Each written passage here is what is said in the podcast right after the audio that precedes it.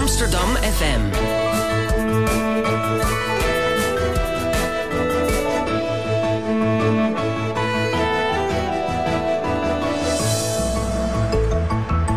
Radio Swammerdam.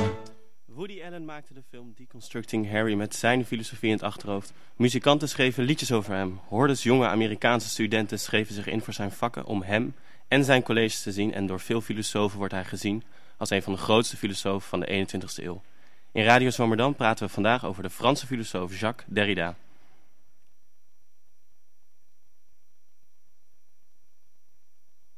En daar is ook nog een liedje van. En dat is niet dit liedje. In ieder geval, um, komt het liedje nog sterren? Of? Ja, nou, we zijn begonnen, dames en heren. Gelukkig nieuwjaar. Welkom bij Radio Zwammerdam.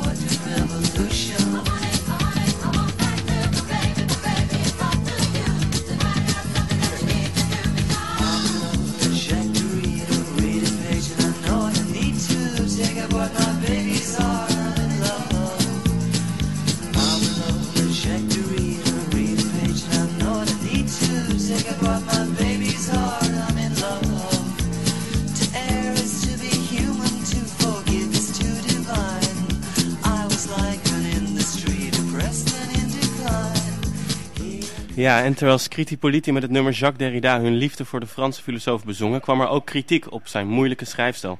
Wat zegt Derrida nou eigenlijk? Slingert hij niet gewoon een beetje met moeilijke termen? Het is kritiek die je wel vaker hoort over filosofen, maar meestal niet van filosofen zelf. In dit geval kwam de kritiek bijvoorbeeld van die andere grote filosoof uit Frankrijk, Michel Foucault. Hij noemde Derrida een terrorist van het obscure die onbegrijpelijke wartaal soms uitsloeg.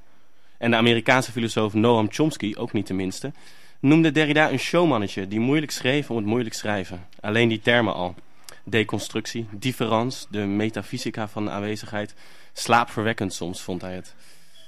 Bent u er nog? Ik uh, hoop het wel, ondanks de termen. Welkom bij Radio Zwammerdam, uw wekelijkse wetenschapsprogramma. Mijn naam is Tim Wagemakers en naast mij zit medepresentator Lieve Eremans. Goedemorgen, Lieve. Goedemorgen en gelukkig nieuwjaar. Ja, gelukkig nieuwjaar aan iedereen en ook aan jou nog. Um, vandaag praten we met UvA-onderzoeker Johan de Jong, die in zijn nog uit te komen proefschrift onderzoekt wat Derrida precies wilde zeggen met die op het eerste gezicht wat moeilijk leesbare schrijfstijl. Een uur lang filosofie op de radio en misschien wel de moeilijkste filosofie de plaats van filosofie op de universiteit. Actueler kan bijna niet. Een gesprek over wat prote een protest eigenlijk is en hoe we op zoek kunnen gaan naar de grenzen van ons denken. Ja, en Tim, uh, volgens mij moeten wij de luisteraar iets bekennen. We Vertel. kennen elkaar al, hè? Ja, En eigenlijk uh, zijn wij getrainde filosofen, want we hebben allebei een bachelor in de filosofie. En we Ja. hebben ook les gehad van onze gast. ja. Dus uh, zullen we proberen het uh, zo begrijpelijk mogelijk houden voor de mensen zonder zo'n diploma? heb je een suggestie? Nou, mensen kunnen, als ze het echt niet meer snappen, een vraag insturen via Twitter. Twitter dan Radio Swammerdam. Swammerdam is met een S. En dan gaan we proberen die uh, vragen te behandelen in de uitzending. En dan breek jij gewoon in als het allemaal iets te technisch wordt. Dan ga ik die grens over. En, en, en, en we hebben natuurlijk ook gewoon muziek en de column van socioloog Bart van Herikhuizen om een en ander in perspectief te plaatsen. Goedemorgen Bart. Goedemorgen Tim, goedemorgen lieve, goedemorgen gast Johan. ja, goedemorgen Johan vooral ook. Goedemorgen. Ja, goedemorgen. Het, was, het was even een intro, maar ja, ik, ik, ik ben een beetje wezen googlen. En als je de naam van Derrida intikt op Google, dan beland je al snel in een debat of hij nou geniaal of een beetje gek was. Ja, dat klopt. Ja. Uh, zijn, zijn manier van schrijven, zoals je al in je introductie hebt aangegeven, wekte heel veel weerstand op. En uh, hij heeft zelf altijd geprobeerd om die weerstand dan weer te interpreteren als een symptoom van iets. Ja. En uh, ik denk dat dat ook een van de dingen is waar we het over gaan hebben. Maar dat is ook de reden waarom bijvoorbeeld een Foucault zo gek van hem werd. Want ik, ik, ik, ik las dat hij was obscuur omdat hij moeilijk schreef. En hij was een terrorist omdat iedereen die tegen hem zei... ik snap niet wat je schrijft... een idioot was die niet snapte wat hij schreef. Ja, ja, ja, ja. nou goed, het, het is natuurlijk... Uh, uh, als je...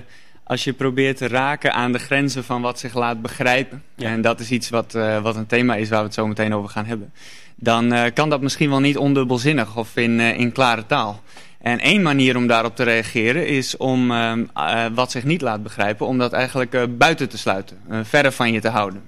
en ja, ik denk dat dat iets is waar Derrida ja, zijn hele werkende leven ja. heeft geprobeerd om mee om te gaan en om zich daarvan te distancieren zonder in um, het al te makkelijke alternatief te verzanden. Ja. Namelijk een, uh, een heldere positie waarmee hij eigenlijk zijn eigen denken niet meer eh, recht zou doen. En dat is zijn, zijn strijd geweest eigenlijk. De eerste keer dat jij Derrida las, ehm, wat dacht je toen? Geniaal of gek? Ik moet het nog maar even Eh, zien. ge- eh, gek. Ja. Ja. ja, absoluut. Dus ik heb echt een, eh, op dat gebied een duidelijke ontwikkeling doorgemaakt. Ik begon ook mijn proefschrift ehm, eh, met, eh, als, als, een, als een kritische, een, een uiterst kritische lezer van Derrida. Ik dacht, eh, hij destabiliseert hier dingen. Hij maakt dingen onzeker op een manier die niet kan. En hij gaat aan de haal met begrippen waarvan ik altijd dacht van ja, maar dit is ernst. Hè? Dit, hier staat iets op het spel en hij speelt er een spel mee. Eh, gewichtige begrippen uit de filosofie, waarheid of wat, dan ook maar. En hij speelt er een spel mee. En ik dacht, eh, ergens gaat hij hier een grens over. Dit kan niet wat hij doet. En eh, toen ik probeerde om mijzelf kritisch te verhouden ten opzichte van Derrida. En toen ik zelf probeerde om eigenlijk aan te wijzen waarom het niet kan wat hij doet. Toen begon ik in te zien hoe lastig het is om hem zelf goed te bekritiseren. En toen ben ik dus gestuurd op het feit dat hij zelf niet eh, precies niet een ondubbelzinnige positie lijkt te vertegenwoordigen. Een, een, een duidelijk of een helder standpunt. En hoe eh, bekritiseer je nou iets wat zelf eigenlijk niet een helder standpunt wil zijn? Ja. Eh, wat zich daar steeds aan wil onttrekken. En toen moest ik dus gaan nadenken over... ja, maar wa- waarom doet hij dat eigenlijk? Wat is dat voor een vreemde bijdrage aan de filosofie? Zo'n standpunt dat niet een standpunt wil zijn. Zo'n manier van schrijven die zichzelf bewust tegenspreekt op punten. Eh, wat hij ook doet is de ambiguïteit bij tijd en wijle eerder maximaliseren Ja. of opzoeken dan proberen te vermijden. En ja, de grote vraag werd toen eigenlijk voor mij van waarom doet hij dat? Waarom Maar- moet dat zo? Maar als ik het goed begrijp, dan schrijft hij gewoon over de klassieke thema's die een filosoof behandelt. Namelijk wat is waarheid, wat is eh, ons denken, wat is het object waar we naar kijken, waar kijken we naar als we naar de wereld kijken. Dat is wel de thema's waar we over praten als we over Derrida praten. Ja, hij heeft, er is weinig wat hij niet heeft, eh, schrijvend heeft aangeraakt. Zijn, zijn werk is een continue dialoog met de klassieke teksten uit de filosofische traditie. Ja. En daarbij komen inderdaad al die klassieke thema's eh, aan de orde. Ja. Eh, zijn insteek daarbij is juist dat die klassieke teksten, die geven iets aan over de klassieke manier waarop wij naar de wereld kijken. En die heeft ons ook gevormd. En eh, zijn eh, probleem of zijn vraag is eigenlijk van hoe kun je nou de dominante westerse rationaliteit waar wij, altijd in, waar wij ons altijd in begeven, waar wij ons allemaal in begeven en waarvoor die filosofische teksten kanoniek zijn, hoe kun je die nou zelf bevragen zonder daar eh, simpelweg buiten te gaan staan? Dus hoe kun je die van binnenuit problematiseren of bevragen? Dat, En dat is eh, eigenlijk zijn probleem. dat van binnenuit dingen bevragen, daar komen we straks ook nog op terug. Ik wil nog even terug naar het begin van wat je eigenlijk onderzoekt in je proefschrift. Als Ja. ik je goed begrijp, onderzoek jij ehm, de schrijfstijl van Derrida, die moeilijke schrijfstijl die op al die onderwerpen terugkwam. En wat hij daarmee wilde zeggen. Want dat was een, die schrijfstijl was een zoektocht ergens naartoe. Ja, zo zou je het kunnen zeggen. De- dus in, in eerste instantie was ik simpelweg eh, ja, verwonderd eigenlijk door deze manier van schrijven. En eh, net als, eh, nou misschien niet zo radicaal als Foucault, maar misschien, maar misschien wel zoals sommige anderen, dacht ik van wat, eh, dit- kan niet op een bepaalde manier. Of dit, hoe, hoe kan dit nou iets toevoegen aan wetenschap als het ware? En ehm, de vraag inderdaad werd, waarom doet hij dat? Wat, wat zou het ook een functie kunnen hebben om je, om, om je tegen te spreken, om de dubbelzinnigheden op één te hopen? En bij wat voor soort filosofische vragen dan is het kennelijk niet meer mogelijk om je ondubbelzinnig een antwoord te geven of een oplossing te leveren of een, eh, een probleem op te lossen? En, en dat, hè, dus waar, waar, waar zijn de, de grenzen van de ondubbelzinnigheid? En waar begint misschien een soort noodzakelijke dubbelzinnigheid? En dat vond ik een, een, eh, een hele interessante vraag. En dat heb ik met Derrida als uitgangspunt, omdat het bij hem zo expliciet is. Maar ook met Hegel en Heidegger, andere Ja. filosofen op de achtergrond, heb ik geprobeerd om daar een, eh, ja, een, an- een antwoord op te formuleren. En het is natuurlijk een beetje gevaarlijk om tegen een filosoof te zeggen: maak het eens concreet, want dat is vaak lastig. Maar ehm, in, in, in, in taal bijvoorbeeld, dan ehm, zeg je: Derrida ging op zoek naar de grenzen van ons denken. Ehm, kun je een voorbeeld geven van waar we niet over kunnen praten, bijvoorbeeld? Wij hebben elkaar eerder gesproken, dus een goede disclaimer om even te zeggen. Toen had je het bijvoorbeeld over rouw. Dat dat juist wel een voorbeeld is waar we over kunnen praten. Als iemand zegt: Ik heb er geen woorden voor. Dat is niet waar Derrida naar op zoek was. Nou, kijk, we, je, je, je, als, je, als je kijkt naar Derrida en je, en je, en je ziet hem eh, ingewikkelde dingen doen met taal, dan eh, is het inderdaad zo dat dat iets te maken moet hebben met, met wat zich kennelijk niet zomaar ondubbelzinnig eh, laat uitdrukken of laat zeggen.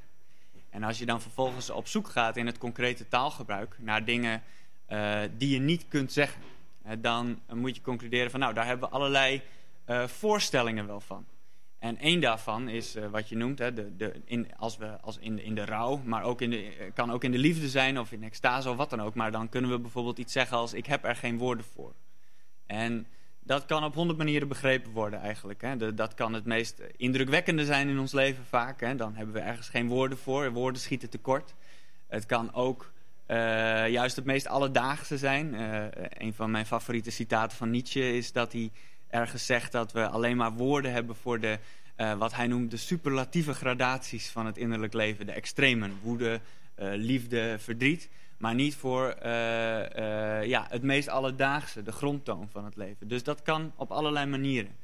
Alleen wat er kenmerkend aan is, is dat in al die voorbeelden dat wat zich onttrekt aan het begrip, wordt voorgesteld als een ruimte daarbuiten plaatsen bijvoorbeeld tegenover het denken, plaatsen we de emotie. En dan zeggen we van ja, dat, dat laat zich niet vatten. Of we maken een tegenstelling. We maken een tegenstelling. We creëren een tegenstelling tussen wat je kunt zeggen of denken en dan iets daarbuiten. En het maakt niet uit of dat emotie is, of het lichamelijke, of God, of uh, de liefde, of wat dan ook. Hè. Al, al die dingen, daar, daar, uh, dat, is, dat is één manier waarop we dat doen.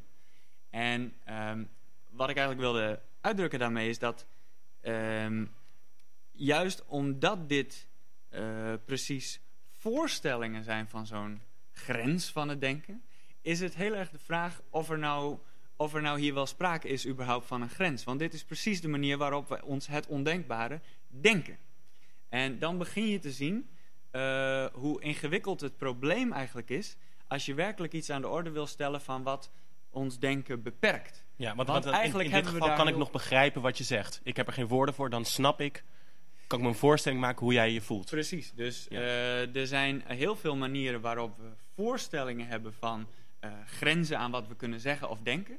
Maar ondertussen uh, laten ze die zich verrassend makkelijk zeggen. Ja. Zijn die eigenlijk heel communicabel. Ook zelfs de uitspraak, ik heb er geen woorden voor, is eigenlijk een hele goede manier om uit te drukken wat het is wat je op dat moment ja. wil zeggen. En dan, als je, als, je, hè, als je daar bent, dan kun je dus de vraag stellen, maar maar wat laat zich dan niet zeggen? want als, als dat eigenlijk al ingebed is in ons spreken, dit niet kunnen zeggen, wat zijn dan werkelijke grenzen, werkelijke beperkingen en, uh, van, van de taal, om het zo te zeggen?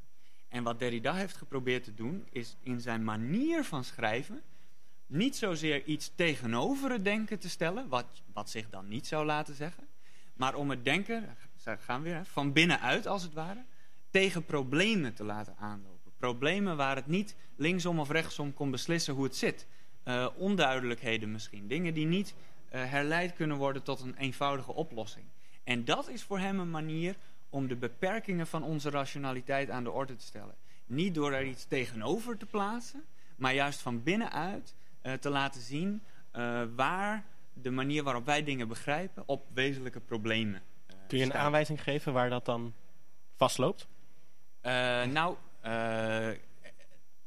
hij, dat is natuurlijk moeilijk, want het is niet te zeggen. Uh, nou, nee, dat valt wel mee. Daar kunnen we heel goed over praten. Hè. De, de, de, de, dat, is, dat is eigenlijk precies het punt. We zijn niet bezig om een ruimte te creëren waarover we het niet zouden kunnen hebben. Het, het, het speelt zich allemaal af in de taal, als het ware. Um, uh, als het gaat om voorbeelden, dan zou ik bijna kunnen zeggen voorbeelden te over, omdat het hem altijd was te doen om de algemene structuur van hoe we dingen begrijpen.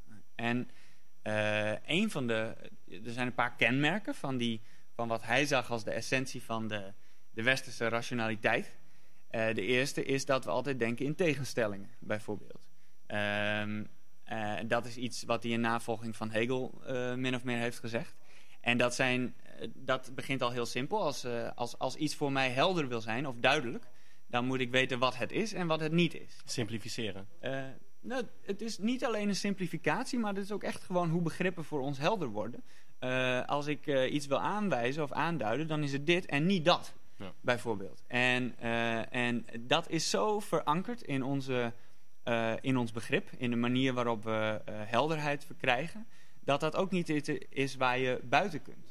Uh, uh, dus, dat, dus de manier waarop we begrijpen wordt volgens Derrida heel erg bepaald door tegenstellingen, zoals eh, dit niet dat, wel of niet, waar of onwaar, eh, positief of negatief, eh, binnen of buiten. En een, eh, jouw vraag naar een voorbeeld van eh, zo'n probleem, dat zou dan zijn dat hij dus op zoek gaat naar fenomenen die zo complex zijn, dat ze eigenlijk niet te reduceren zijn tot een pool binnen een tegenstelling. Tot dit of dat. Maar misschien wel dit en dat zijn. Of misschien wel geen van beide. En eh, dat zijn ook de moeilijke termen die hij begin, noemde aan het begin. De, de, de nieuwe termen die hij eh, creëerde om eh, in de filosofie mee aan de slag te gaan. Een, een kenmerk van die termen is altijd dat ze zich niet ondubbelzinnig laten herleiden tot ja, een, een dit of een dat. Een pro of een contra. Een voor of een tegen. En dat maakt zijn werk per definitie obscuur om te lezen, omdat het nooit ondubbelzinnig kan zijn. Dat klopt. En eh, het is natuurlijk zo dat, eh, dat het verlangen om helderheid te verkrijgen op die manier, om te zeggen van ja, maar luister eens, wat is het nou, dit of dat? Dat is ook ingebed in wie en, wie en wat we zijn. Dat is, eh, eh, eh, dus de, als, als dat. eh, Derrida noemde dat een, een, een- verlangen. En ik weet niet of dat echt een verlangen is. Maar ik weet wel dat ehm, hoe, hoe überhaupt de dingen voor ons helder worden, daar heel erg van afhankelijk is. En jullie zullen mij ook eh, nu vragen om te- op die manier te specificeren. Ja, maar ben je nou hiervoor of ben je nou daartegen? Eh, is het nou dit of dat? Eh, en tegenstellingen, dat, zijn, eh, dat, is, dat is één aspect daarvan dus. Een ander aspect, wat hij zegt dat ja, bepalend is voor die westerse metafysica, is dat tegenstellingen nooit waardevrij zijn. En dat is iets wat hij van Nietzsche geleerd heeft. Ja. En dan is jouw vraag van, nou noem dan eens een voorbeeld van een probleem. Dat zou dan niet zozeer zijn wat onttrekt zich aan tegenstellingen, maar eerder bijvoorbeeld als het zo is dat we eh, in de manier waarop we denken eh, steeds de voorkeur geven aan de ene waarde boven een andere, zou het dan ook zo kunnen zijn dat iets stelselmatig onderdrukt wordt. Ja. Hè, door hoe wij het begrijpen, door de Nou, structuur van ons denken. Dat is, wel, dat is wel iets waar we zo meteen over verder gaan praten. Als we denk ik ook over eh, minderheden en de mogelijkheid van kritiek en protest gaan praten. Ehm, en dan komen we er ook achter dat Derrida eigenlijk ook best wel een politiek geëngageerd denker was, als ik het zo mag zeggen. Ik zie je ja knikken, dus ik ga ervan uit dat dat klopt. ja. Ja. Ik knikte tijdens mijn slokje thee, Ja, maar dat werkt Nee, ja, heel radio goed. heel slecht. Ehm, maar laten we eerst luisteren naar de column van Bart van Herinkhuizen. eh, gevolgd door, en ik weet dat het een beetje een slecht bruggetje is, Ronan Keating, die het net als Derrida ook wel eens aan woorden tekort schoot. Ehm, Bart, jouw beurt. Wat zeg je tegen iemand die net een geliefde verloren heeft? Verloren wie zo dierbaar was? Wat zeg je tegen iemand die lijdt onder het gemis, onder het gapende gat in het hart? Wat zeg je tegen iemand die de vreugde van het leven niet langer in volheid kan ervaren? Wat zeg je tegen zo iemand? Misschien wel helemaal niets, want wat kan je zeggen? Voor zo iemand schieten woorden tekort, hebben ze geen betekenis, kunnen ze de scherpe pijn niet verzachten. Misschien zeg ik dus maar niks, ben ik er alleen maar, hopend dat jij weet dat ik er voor je zal zijn. Gargantuaanse vrouwenbillen waartussen magere echtgenoten klem zijn komen te zitten. Hendrik, waar ben je nou toch? Ja, ze bestaan nog altijd, die stoute aanzichtkaarten. En ook kaartjes met groeten uit het Geldal. Vlak naast de bak met stukjes mergel uit de fluwelen grot waar je je naam in kunt laten graveren. En in dat Valkenburgse winkeltje met toeristische koopwaar zag ik ineens die kaart met de woorden waarmee deze column begon. Als ware het candlelight, al was, als was ik Jan van Veen. Het is een voorgedrukte tekst. Het lettertype suggereert handschrift. Je hoeft er alleen nog maar je naam onder te zetten. Boven deze tekst staat bij wijze van titel: Ik ben er voor je, ook nu. En er bleken nog veel meer van dit soort kaartjes in het rekje te staan met titels als Sterkte, Bemoediging en ook Ik leef mee met je verlies. Verbijsterd stond ik daar op een zonnige dag in juli na een wandeling van Maastricht via Bergen ter Blijt naar Valkenburg en ik probeerde het me voor te stellen. Je hebt een vriend wiens vrouw is overleden. Je bent heel verdrietig over haar dood, je voelt mee met je zwaar getroffen vriend en dan besef je, er moet nu een condoleancekaartje worden geschreven. En wel onmiddellijk, ik wil dat hij het heeft gelezen als ik in de begrafenis, bij de begrafenis in de receptierij sta. Maar wat te zeggen? En dan is er dus zo'n hulpvaardig kaartje. Misschien had je het al gekocht toen je hoorde dat de vrouw van je vriend niet zo lang meer te leven had. Beter mee dan onverlegen. En deze tekst zegt precies wat jij voelt. De woorden zijn je uit het hart gegrepen. Maar hoe luiden die woorden? Dit is wat er staat. Hier zijn geen woorden voor. Ik zeg maar niets. Voor wat jou is overkomen schiet de woorden tekort. De tekst op deze kaart veegt zichzelf meteen weer uit. You say it best when you say nothing at all. Ik kocht een paar van die kaartjes, nam ze mee naar huis en speurde naar hun herkomst op het internet. Welke anonieme copywriter zou dit hebben geschreven? In kleine lettertjes staat op de achterkant tekst Nora S. En op andere kaartjes tekst Dorothee. Het zijn kaarten van de firma Artige, gevestigd aan de Innovatieweg, ik verzin het niet, te Doetinchem. En ze maken deel uit van een reeks die de passende naam draagt Intense Cards. Op de site van Intense Cards valt deze tekst te lezen. Woorden zijn krachtig, met name als ze een ander opbouwen, aanmoedigen of een hart onder de riem steken. Voor elke situatie wil je wel zulke woorden klaar hebben, maar dat is lang niet altijd eenvoudig. Intense cards zijn kaarten die geschikt zijn voor diverse gelegenheden en personen. Zo hoeft niemand meer lang naar woorden te zoeken om toch een mooie boodschap over te brengen aan de ander. Bestaat ze echt, deze Dorothee? Misschien is het wel de aantrekkelijke blonde dame die prijkt op de laatste pagina van de brochure van de firma Artige, Dorothee Hollander. En misschien is zij ook wel de echtgenote van de directeur van Artige, want die heet Ton Hollander. En hij schrijft in zijn bedrijfsfolder: Mensen blij maken, dat is wat Artige wil. Schreef Dorothee haar poëtische tekst gierend van de lach? Of werd ze misschien gedreven door eigen verdriet? Handig is ze wel. Op sluwe wijze weet ze van begin tot eind een heikele kwestie uit de weg te gaan. Is de aangesprokene een man of een vrouw? Is de overledene een man of een vrouw? Dat verklaart bijvoorbeeld deze enigszins geforceerde zin. Wat zeg je tegen iemand die lijdt onder het gemis, het gapende gat in het hart? Het hart. Niet zijn hart, niet haar hart. Want met een verwijzing naar het geslacht liquideer je wel meteen 50% van de potentiële klandizie. Dit noemt Habermas pseudocommunicatie. De tekst waar deze column mee begon doet zich voor als oprecht, intens, spontaan opwellend uit de diepte van een geprankt gemoed. Maar wat we hier horen is eigenlijk de instrumentele reden. Hier wordt geld verdiend. In dit geval niet met een ondeugende tekening van dikke damesbillen, maar met een schrijnende condoleancebrief. Dit gaat dus over vervreemding. Alles wat van waarde is, verdwijnt hier in de smeltoven van de ruilwaarde. Of om het moderner te zeggen, hier zie je hoe het systeem langs een sluipweg de leefwereld binnendringt en deze koloniseert, genadeloos. Dit is gemacdonaldiseerde condoleance.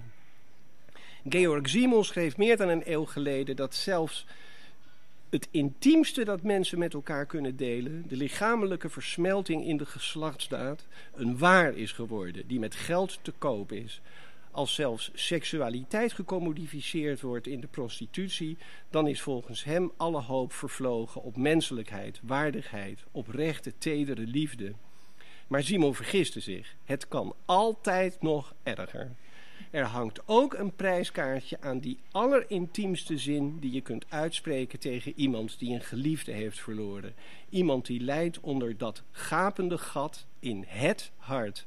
Die intense zin luidt: Lieve vriend, hier schieten woorden tekort. In het souvenirwinkeltje van Valkenburg kost deze zin 2 euro en 99 eurocent. Een koopje.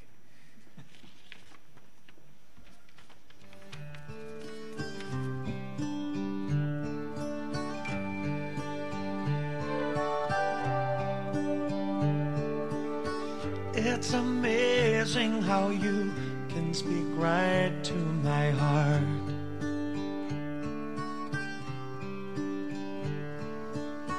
Without saying a word, you can light up the dark. Try as I may, I can never explain what I say a thing. The smile on your face lets me know that you need me. There's a truth in your eyes saying you'll never leave me. The touch of your hand says you'll catch me wherever I fall.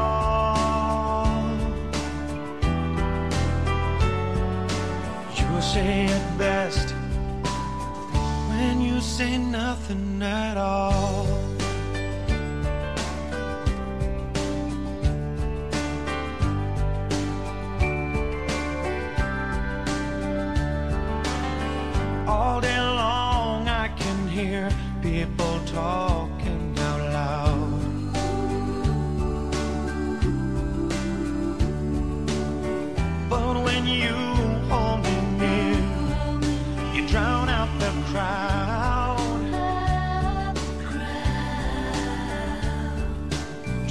Cause they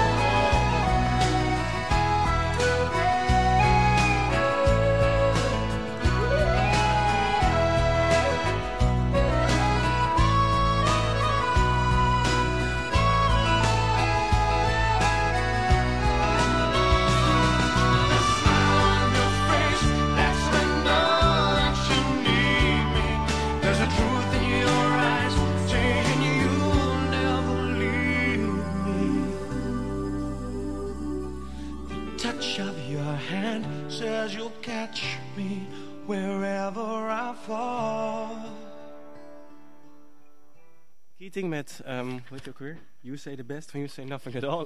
Lief, en hebben we nog... eh, zijn we al trending op Twitter? Of? Nou, mensen lijken het nog heel goed te volgen. De broer van eh Johan die luistert ook. Leuk dat je luistert. En de column wordt erg goed ontvangen. Complimenten Bart. Mooi. Ehm, we gaan verder. Ehm, het was een mooi bruggetje wat Bart maakte naar richting de politiek toe. En, eh, en eh, ons, ons oplossingsdenken en hoe we over rendement denken. Ehm, voor de muziek hebben we gepraat over het proefschrift waar Johan de Jong mee bezig is. Ehm, even een korte recap. Centraal figuur daarbinnen is Derrida, die met zijn ontwijkende ofwel verstorende manier van schrijven niet alleen de grenzen van ons begrip wilde opzoeken, maar ook onze manier van denken wilde veranderen. Ehm, ik vroeg me eerst af, is dat een eh, taak van de filosofie om te verstoren? Het wordt er niet makkelijker op. Nee, de dingen worden er zeker niet makkelijker op. En ik denk dat dat inderdaad eh, een hele belangrijke taak is voor de filosofie. Ehm, eh, je zou kunnen zeggen dat eh, voor zover de filosofie ehm, eh, wetenschap is, is verheldering ook een taak. En ik, ik heb niet het gevoel dat je tussen verstoring of verheldering moet, beslist moet, een, een keuze moet maken voor het een of voor het andere. Ik denk dat het van oudsher hele legitieme functies zijn van wat filosofie doet. Ehm, dus je- natuurlijk gaat het erom om te proberen dingen helderder te maken. ehm, eh, antwoorden te vinden op vragen waar we mee zitten. En filosofische vragen hebben dan meestal het karakter dat ze, dat ze er al wat langer zijn. Eh, en dat geeft ook iets aan over de mate waarin je daar eh, antwoorden op vindt.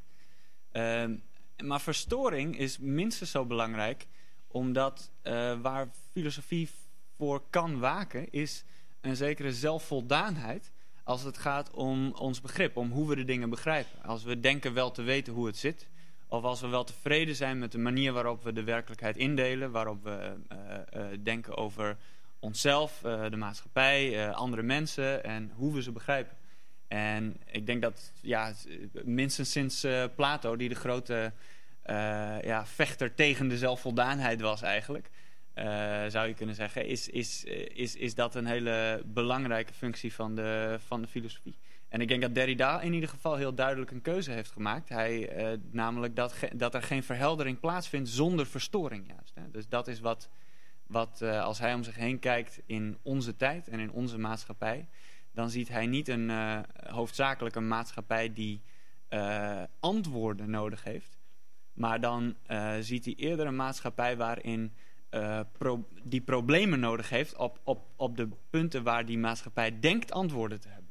Hè? En de- dat het niet zo simpel zit, dat het niet zo eenvoudig is. Ja. Dus zodra het verhelderd is, dan gaan we verstoren. Eh, met een, eh, ja, iedere, iedere verheldering heeft eh, eigenlijk wel eh, behoefte, volgens Derrida in ieder geval, aan een flinke verstoring. Maar daarmee wordt het ook meteen dan politiek. Eh, dat weet ik niet, is dat zo? Nou ja, misschien wel in die zin dat... moet ik hem dan lezen als een oproep tot protest? Ook? Ehm, ja, protest is een, is een erg ingewikkeld begrip. Ehm, omdat protest ehm, een tegenbeweging is. Hè? En, en, en gekenmerkt is door een tegenstructuur eigenlijk. Hè? Ik, ik sta op en ik zeg nee. En eh, wat Derrida probeerde duidelijk te maken, eh, waar we het net ook over hadden, over die, die grenzen van dat begrip, van dat je, daar niet, ehm, dat je die niet per definitie vindt door daar iets tegenover te stellen. Maar dat het eerder moet gaan om een problematisering van binnenuit. Eh, is dus dat ehm, protest ehm, niet alleen maar eh, zich tot doel kan stellen om ergens tegen te zijn. In de hoop dat dat dan eh, de verhouding eh, verbetert of de hele hiërarchie eh, verandert. Eh, volgens Derrida is het zo dat eh, eh, tegen zijn, hij noemt dat een noodzakelijke fase in zijn vroege werk. Eh, dat, dat is iets waar je als het ware doorheen moet. Maar als je een werkelijke, een wezenlijke verandering wilt eh teweeg brengen, dan is het tegengeluid niet genoeg. En dan is het ook niet genoeg om jezelf als eh, protestant alleen maar als een tegen te begrijpen. Ja, want het tegengeluid riskeert om de heersende orde alleen maar te bevestigen. En dat is eigenlijk wat het tegengeluid eh, ja, inherent met zich meebrengt. Dus als een, een, een zinvol protest zal altijd meer moeten zijn dan een tegengeluid.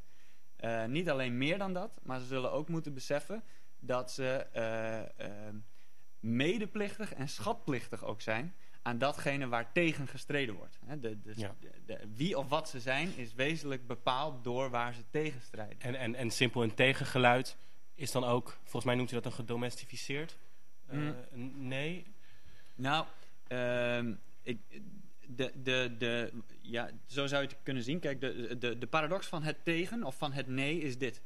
Eh, ik roep nee en ik denk dat ik mij daarmee buiten de heersende orde plaats. Ehm, eh, net zoals misschien in ons eerdere voorbeeld, ik zeg ik heb er geen woorden voor en dan denk ik dat ik, dat ik daarmee raak aan iets wat zich helemaal niet laat zeggen. Eh, ondertussen zeg ik het wel op die manier en zeg ik het toch, maar anders. En zo is het ook met het protest. Eh, ik, ik denk dat ik mij buiten de heersende orde eh, plaats, maar in zekere zin is er één hele grote orde waar wij allemaal voor en tegen een bepaald deel van uitmaken. En het enige dus wat, wat ik denk, wat Derrida zou kunnen doen, of wat Derrida zou kunnen bieden hier, is dat het tegen niet voldoende is voor een protestbeweging om zichzelf te begrijpen. En dat dat daarin niet uitgeput kan worden. We hebben een eh, vraag van Twitter. En eh, Linda Duits, la la la Linder, vraagt...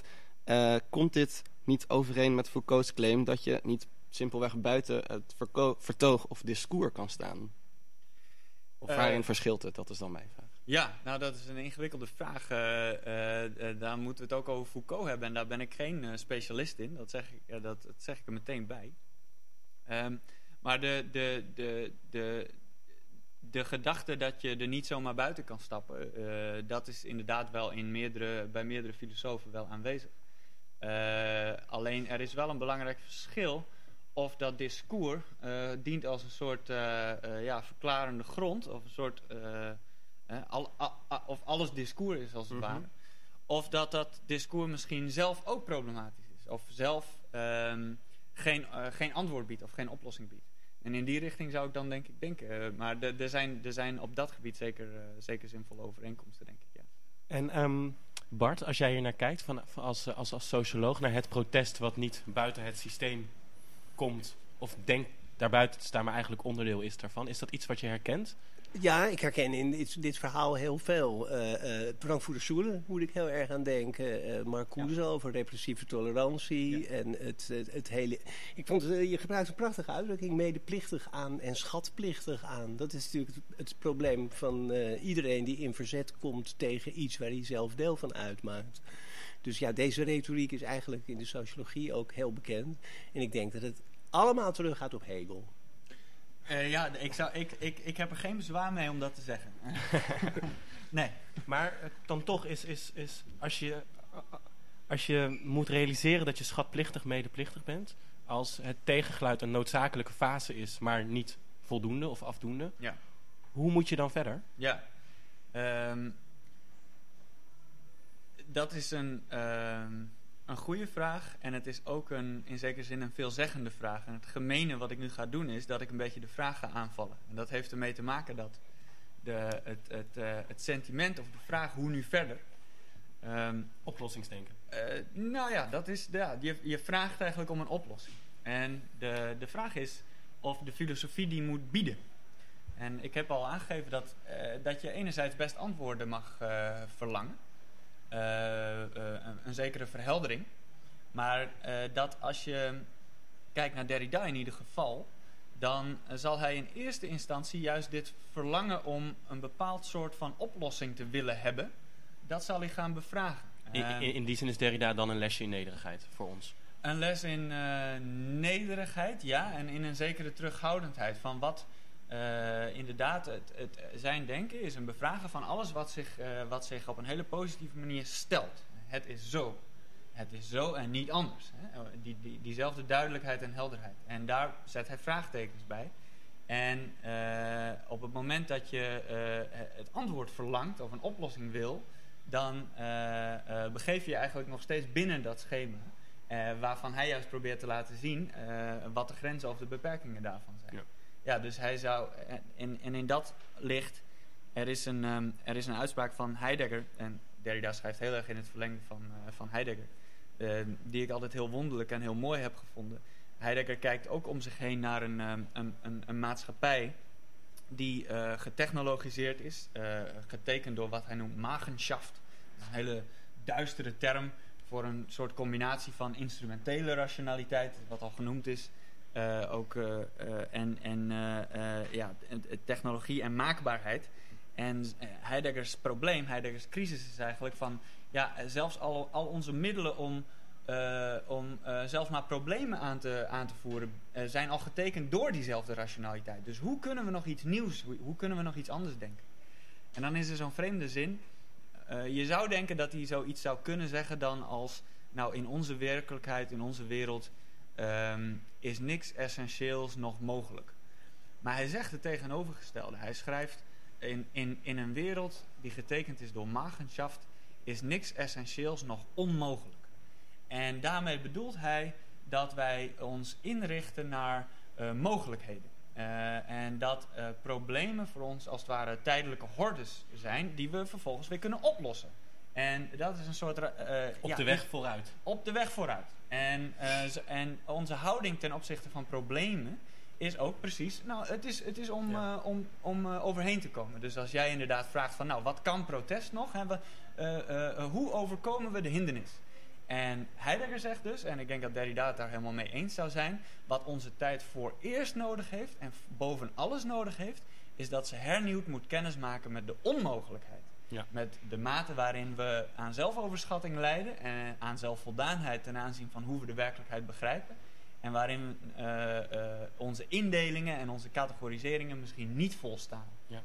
En, en, en de plek waar dat kan gebeuren is uh, binnen de universiteit, binnen de wetenschap. Um, daar gaan we zo nog even over doorpraten, hoe filosofie op de universiteit plaatsvindt en wat de toekomst daarvan is. Maar laten we eerst luisteren naar... Het heeft vrij weinig met Derrida te maken, maar het heet Derry Day, dus het is toch een goed liedje. Uh, het is de Lost Brothers met Derry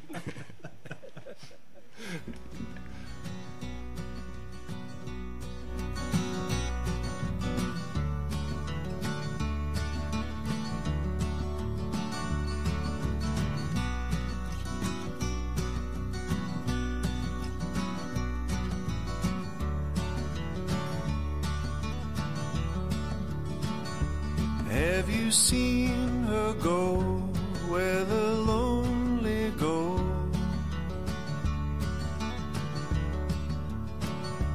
Yes, I've seen her walk where nobody knows. Past the ancient sands of time, where the shadows wait in line for a day. Have you heard her laugh? Have you seen her cry? Yes, I've seen these things at least a thousand times. A spell that no man can undo. She will do the same to you. Dare a day. So listen now and hear these words. Don't live your life in constant hurt. The days will pass and you'll remain a prisoner of dare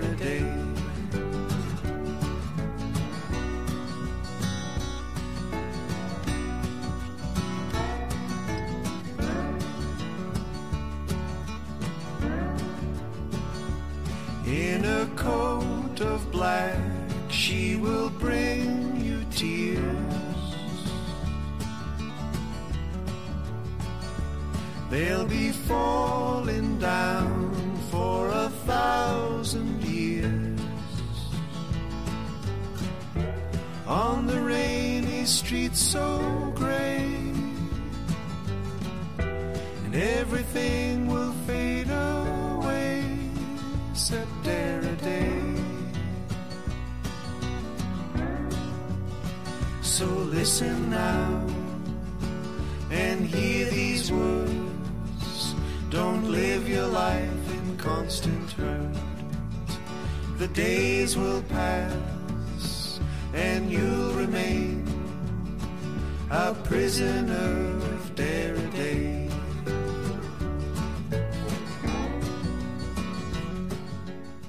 U luistert nog steeds naar Radio Zwammerdam. Ehm, dit was The Last Brothers met Derrida. Ehm ja, we hebben nu gepraat over het werk van Derrida. We hebben gesproken over ehm, de implicaties van zijn denken tegen het oplossingsdenken en voor het problematiseren van ehm, wat we eerst hebben verhelderd. Zoals Lieven al zo mooi omschreef. Ehm, en waar we nu over gaan praten is de plek waar je dat kan overdenken of doordenken, namelijk de filosofiefaculteit, onder meer. Ja. Die staat onder druk. Ja. Nou, niet alleen de filosofie, maar eh, eh, meer in het algemene geesteswetenschappen. Eigenlijk alle,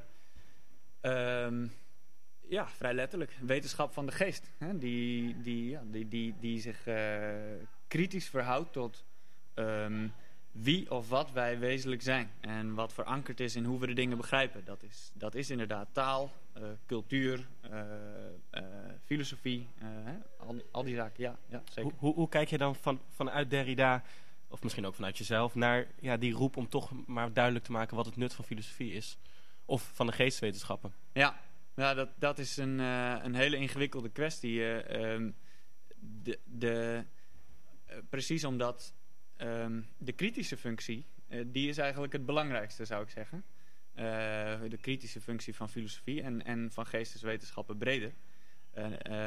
En die is het belangrijkste in deze omdat precies die natuurlijk moeilijk te vertalen is naar nut. Die doet in feite in eerste instantie het tegendeel. Hè? Die werkt tegen. Hè, die, die, die, maakt, eh, die maakt problemen of die, die, die, die zorgt ervoor dat we, eh, eh, om, om duidelijk te maken dat hoe we dachten dat dingen zaten, dat ze niet zo zitten. Dat, dus die, die, dat- dat is een vorm van tegenwerken. En ja, de vraag is natuurlijk eh, op welke manier eh, eh, tegenwerken. ehm, eh, eh, vooral tegen de kaders van wat geldt als wat duidelijk is, wat helder is, wat nuttig is. Eh, eh, precies het bevragen daarvan. De vraag is eh, ja, hoe, hoe, dat zich, eh, hoe dat is te verenigen met, eh, met een nutsgedachte. En in die zin is het voor mij evident dat filosofie en geesteswetenschappen eh, heel veel ja, nut hebben. Alleen misschien wel niet het nut dat men wil of dat men vraagt. En, en ik denk dat dit geldt voor serieuze filosofie, maar het geldt voor mij ook voor serieuze bezig zijn met bijvoorbeeld religie. D- er vallen vaak eh, termen als, nou, wat voor mogelijkheden biedt het? Eh, wat kunnen we ermee? En in de religie gaat het vaak om, ehm, wat biedt het in termen van hoop of troost of hou vast? En voor mij geldt het tegendeel. Ik zou denken dat iedereen die zich serieus met religie bezighoudt, die stuit op iets wat niet zomaar, een, zomaar troost biedt, maar in, wat je in feite wijst op, op ehm, eh, eh, moeilijkheden van het bestaan die we misschien in het dagelijks leven verdekken. En in de filosofie gaat het om moeilijkheden die we in, het, eh, in de gebruikelijke voorstellingen of het gebruikelijke begrip misschien verdekken, misschien niet meer zien. Ja. En ons te, te, ja, die, die, die, die moeilijkheden juist naar voren te halen, dat vertaalt zich natuurlijk niet naar het soort nut dat we willen hebben. En dat staat op, ja, haaks op de, op de valorisatie, dat is de term die dan eh, gebruikt wordt. Hè? Dus op de manier waarop wetenschap zich eh, in, in het huidige klimaat dient te bewijzen. Zoveel is duidelijk. Wat je nu eigenlijk ook zit te doen op de radio. Eh, Je proefschrift uit te leggen. eh, ja, nou ja, goed. Ja, ja, ja de- inderdaad. Ja, zit je toch weer in de val van het gedomesticeerde nee. En dit, ja, het, het is natuurlijk ook zo dat ehm, niet alleen het verstoren, eh, de verstorende taak misschien moeilijk wordt omdat de faculteit onder druk staat, maar misschien ook wel vanuit de universiteit zelf. Ehm, ik kan me voorstellen dat dat ontwijkende, verstorende schrijven van Derrida niet makkelijk binnen een wetenschappelijk proefschrift past. Dat klopt helemaal. Eh, ik heb voor mijn proefschrift nog wel goede hoop. Eh, maar, eh, althans, nou ja, goed, dat gaan we afwachten. Alleen, het is, het is natuurlijk zo dat, dat eh, nog steeds is het zo dat Derrida een, een, een, een, een, voor velen een buitenbeentje is. En dat de legitimiteit van wat hij deed heel erg betwist wordt. Eh, er is een beroemde affaire geweest rond een eredoctoraat van de Universiteit van Cambridge, wat hem al of niet zou worden toegekend. Vele fi- eh, filosofen van naam die eh, protesteerden tegen die toekenning. En die protesteerden op gronden die eigenlijk, ironisch genoeg, vele Derridianen misschien nog wel zouden onderschrijven ook. Namelijk dat hij op, een, op een bepaalde manier aan de haal zou gaan met de, wat geldt als de standaarden voor wetenschap. En in zekere zin is dat natuurlijk waar. Hè? De, hij probeert precies te problematiseren wat geldt er voor ons als eh, wetenschappelijk geldig en Ja. eh, niet meer wetenschap. En zijn die grenzen zoals we dat zien, zijn die, zijn die helder, zijn die scherp en liggen die waar ze moeten liggen. En eh, dus het is absoluut zo dat ehm, ook binnen de universiteit, want de universiteit, en dat geldt vandaag de dag eh, misschien nog wel veel meer dan een tijd geleden, is zelf ehm, ehm, ook een, een mini-maatschappij met zijn eigen heersende normen. En eh, ook daarbinnen eh, sp- speelt een denken als dat van Derrida een rol in de marge. Maar, maar een student die nu begint, die denkt: oké, ik hoor nu dat er die normen zijn, misschien wil ik die wel problematiseren. Maar een simpel tegengeluid van: ik doe het niet op jullie manier, zou niet voldoende zijn. Eh, nee, dat klopt. En dat heeft er dus precies mee te maken dat, kijk, de, de, de, de, de, ik denk dat je ook een verschil moet maken tussen eh, studenten en docenten. Als ik kijk Ja, naar de, wat er gebeurt aan de universiteit, dan zou ik zeggen dat. eh, nou, maar het, het verschil is misschien wel niet zo waar je hem zou denken. Namelijk, ik denk dat studenten nog wat vrijer schrijven dan. dat, dat, er, dat er tussen. Als ik de studenten essays lees, dan is daar een zekere vrijheid te zien en ook een zekere creativiteit. Ehm, probleem is natuurlijk dat zij de academische eh, conventies eh, eh, eigenlijk niet goed genoeg kennen. En dan, en dan levert die vrijheid niks op. Dat is, dat is als, het, als het produceren van totaal abstracte kunst, terwijl je de, de, de, de, als een soort protest, terwijl je de figuratieve überhaupt niet in de vingers hebt, als het ware. Dat, dat, dat levert niks op. Hè. Het kan Ja. niet gaan om, een, om, om iets, iets heel anders te doen. Waar het om zou moeten gaan, is om, nogmaals, van binnenuit de kaders, de academische kaders, die de studenten minder goed kennen, om die te problematiseren. En als je nou kijkt naar de docenten, die die kaders wel heel goed kennen, dan is een probleem dat eh, het steeds meer het geval lijkt, ook binnen de academische filosofie, juist de filosofie, die als taak heeft om die kaders te doorbreken, dat eigenlijk heel zichtbaar is en heel erg uit te tekenen wat voor soort teksten beloond wordt. Wat voor soort teksten het wetenschappelijk goed doet. eh, wat, voor, wat voor format als het ware de, de onderzoeksprojecten binnenhaalt. Eh, en eh, op dat gebied is er onder de docenten, onder de medewerkers, onder de, in, de, in, de, in de academische gemeenschap, is er, ehm, ja, je zou wel kunnen zeggen, een, eh, een, een beetje een, een, een tekort misschien wel aan die eh, schrijvende creativiteit, die op een verstorende manier ook het academische format aan de kaak stelt. Hoe, hoe, luister jij hier naar Bart als je hoort dat ehm, er misschien wel iets te weinig ruimte is voor dat creatieve schrijven aan de universiteit? Is dat iets wat je bij sociologie ook herkent? Ja, ik zit er een beetje over na te denken. Dat is wel een beetje waar. Als je, als je neem nou een hele belangrijke hedendaagse eh, socioloog, eh, Habermas, die noemde ik net in mijn column even. En we hadden het ook nog even over de Frankfurter Schule. Dat is iemand die eh, helemaal verankerd is in het denken van Marx en Weber. En Marx was natuurlijk zeer beïnvloed door Hegel. Weber kan je eigenlijk nauwelijks begrijpen als je niet een heleboel afweet van Kant. Dat is eigenlijk een neo-Kantiaanse denker. Dus die grote filosofische denkers hebben diepgaande invloed gehad op fundamentele gedachten in de sociologie. En wat je nu ziet is dat die binding tussen sociologie aan de ene kant en filosofie aan de andere kant eigenlijk doorgesneden wordt in dat proces van wat ik net heb genoemd McDonaldisering. En dat zou een verarming van de sociale wetenschappen kunnen opleveren. En, en doorgesneden in die zin dat er geen dialoog tussen sociologie en filosofie of te weinig plaatsvindt? Ik denk dat dat nu veel minder het geval is dan eh, in de tijd dat ik zelf studeerde, een halve eeuw geleden. Zeker. En, en ja, misschien dan een gekke opmerking, maar zou dan niet juist zo'n... ehm, dat idee was natuurlijk van die bachelor schools, waar het interdisciplinair was. Is dat dan niet juist een, een, een, een oplossing? Daar kwam veel kritiek op. Ja, nou ja, wat, wat ik bijvoorbeeld zie in Amsterdam University College. Daar heb je gedoseerd. Liberal Arts and Sciences. Daar, daar wordt het breder opgevat. Ja, daar heb ik gedoseerd. En daar zie je dat studenten zich wel veel breder mogen kunnen oriënteren. Het wordt ze ook aan, aan die meer eh, beperkte opleidingen moeilijker gemaakt. Maar we hebben bijvoorbeeld in Amsterdam ook natuurlijk eh, de, de, de, de bredere Ja. eh. Ja, de, de- het probleem van interdisciplinariteit lijkt mij is dat eh, eh, ehm, dat, dat een enorm vruchtbaar perspectief is. Alleen dat eh, kennelijk gedacht wordt dat het een substituut kan zijn Ja. voor de Mhm. klassieke disciplines. En dat is het grote misverstand. Hè, men, eh, men denkt dat, eh, dat, dat je. Dat, kijk, de interdisciplinariteit. dat is zelf als het ware een discipline. naast de klassieke disciplines. En zo zou je het ook moeten beschouwen. Hè. De, de, Ja. de, die, die ruimte moet er, moet er ook zijn. maar die kan niet als een vervanging dienen. En dat geldt natuurlijk eh, bij uitstek voor die brede, eh, eh, voor die brede opleidingen waar nu eh, voorstellen voor Ja. worden gedaan. Zelfs onder verwijzing naar eh, eh, eh, eh, gezaghebbende instituten in Amerika. Die ze ook gewoon aanbieden naast de klassieke Yale disciplinaire, Ja. bijvoorbeeld Ja. opleidingen. Ja. Maar is dan het resultaat van interdisciplinariteit zonder discipline ehm, eigenlijk oppervlakkigheid? Dus sec Eh, nou, dat risico, eh, dat loop je wel. Ja, dat risico dat loop je wel. Ja, ja we kunnen hier nog wel even over doorpraten volgens mij. Maar we, zijn, eh, we gaan bijna van de radio af.